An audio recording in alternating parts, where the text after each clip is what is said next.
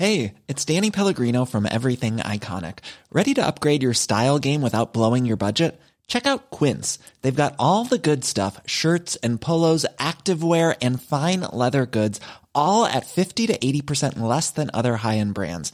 And the best part? They're all about safe, ethical, and responsible manufacturing. Get that luxury vibe without the luxury price tag. Hit up quince.com slash upgrade for free shipping and 365 day returns on your next order. That's quince.com slash upgrade. I'm Sandra, and I'm just the professional your small business was looking for. But you didn't hire me because you didn't use LinkedIn jobs. LinkedIn has professionals you can't find anywhere else, including those who aren't actively looking for a new job, but might be open to the perfect role, like me. In a given month, over 70% of LinkedIn users don't visit other leading job sites. So if you're not looking on LinkedIn, you'll miss out on great candidates like Sandra. Start hiring professionals like a professional. Post your free job on linkedin.com/people today.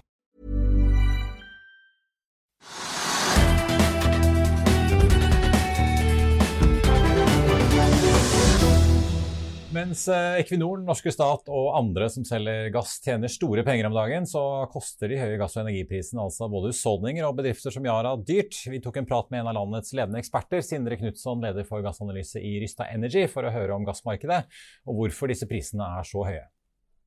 Sindre, takk for at eh, du er med oss. Jeg tenkte vi skulle begynne med for de som ikke er så inne i det. Hvorfor er gassprisene så veldig høye nå?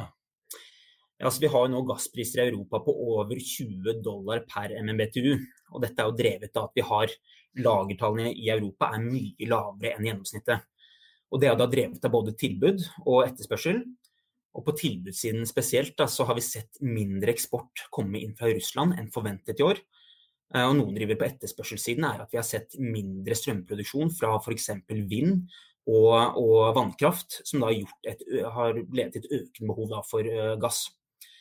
Eh, Så I tillegg til dette da, har vi rekordhøye også eh, kullpriser, CO2-priser og LNG, altså flytende gass, som også har støttet opp under disse nivåene vi ser i Europa per i dag.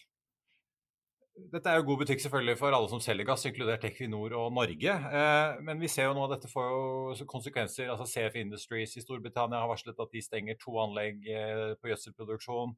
I dag kom meldingen fra Yara om at de trapper ned den neste uken 40% av ammoniakkproduksjonen sin. Eh, ser dere flere tegn til at storforbrukere av gass faktisk begynner å trappe ned forbruket nå? Ja, vi, vi ser jo det generelt at eh, tilgjengeligheten av gass eh, vil jo og kan jo sette begrensninger for etterspørselen.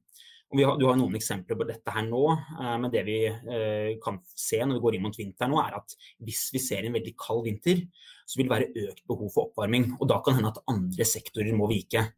Eh, og da har du strømsektoren, kan vi jo se at vi vil switche mer og mer mot kull, som vi allerede har gjort så langt i høst. Og vi vil se at kull vil være større enn gass i, i kraftsektoren nå gjennom denne vinteren her.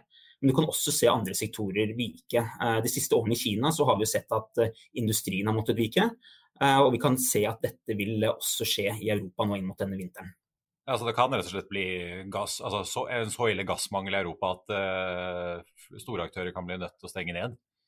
Det, det kan skje, og spesielt hvis vi ser en, da, en kald vinter. Vi hørte jo her nylig denne uken at eh, det holdes jo igjen en del gass fra Russland, eh, som du også er inne på. Eh, Norge går heller ikke for full produksjon om dagen. Hvor, mye, hvor mye har liksom Norge, Russland og eventuelt LNG-aktører som skiper gass til Europa å gå på her for å få inn mer volumer? Ja, altså, ved Norge så forventer vi å se en økning i produksjon og eksport inn til Europa nå i vinter, men ikke noe betydelige volumer som kan hjelpe til å balansere markedet. Eh, Når det kommer til Russland, så forventer vi også å se en, en noe økning i eksport inn, inn fra Russland. Men det Gazprom har kommunisert, som er da den største eksportøren av gass inn til Europa, er at vi ikke kan forvente å se en sterk økning i volumer, med mindre da Nord Stream 2, som er da en ny gassrørledning, vil starte opp. Og denne gassledningen er jo nå ferdig og klar til å, å begynne snart.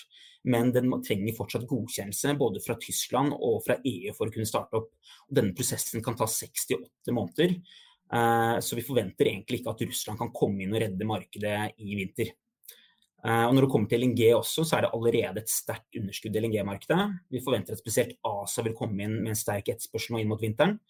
Eh, så det vil, kan det allerede et underskudd i det markedet. Så det som kan skje nå når vi går inn mot vinteren, hvis vi får en kald vinter både i Asia og Europa, er at uh, europeiske importører og kjøpere må gå inn og konkurrere med asiatiske kjøpere spesielt, for da LNG-supply. Og dette kan jo da drive prisen opp til enda høyere nivåer enn det vi ser i dag. Ja, altså, Hvor lenge kan dette vare? Er dette et spørsmål om og i vinter og så tror dere prisene vil falle til sommeren igjen, eller uh, kan det liksom vare lengre? Ja, nei, uh, De prisene vi ser nå, de kan vare ut og gjennom vinteren. Og så forventer vi at når etterspørselen faller inn mot våren, hvor det typisk er veldig lav etterspørsel, så vil markedet balansere seg. Så det er veldig mye drevet av sesong, sesongdrevne faktorer. Eh, og så vil det også komme mest sannsynlig da mer supply fra Russland og LNG-markedet neste år, så kan man videre hjelpe å balansere markedet. Til slutt, altså, som du er inne på, altså, En av årsakene til eh, de høye strømprisene er jo laber vindproduksjon, som igjen driver opp etterspørselen etter eh, kull og gass.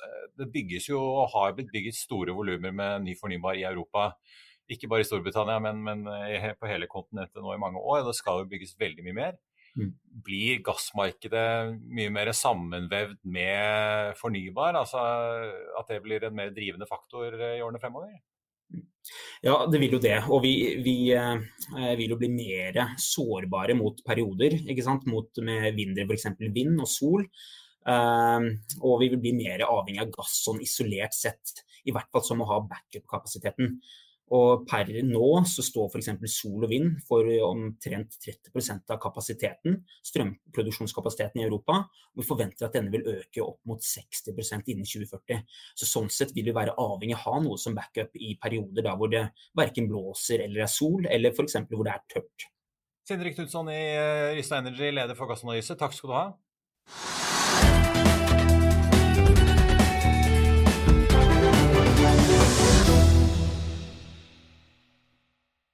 Økonominyhetene er en podkast fra Finansavisen. Programledere er Marius Lorentzen, Stein Ove Haugen og Benedikte Storm Bamvik. Produsenter er Lars Brenden Skram og Bashar Johar.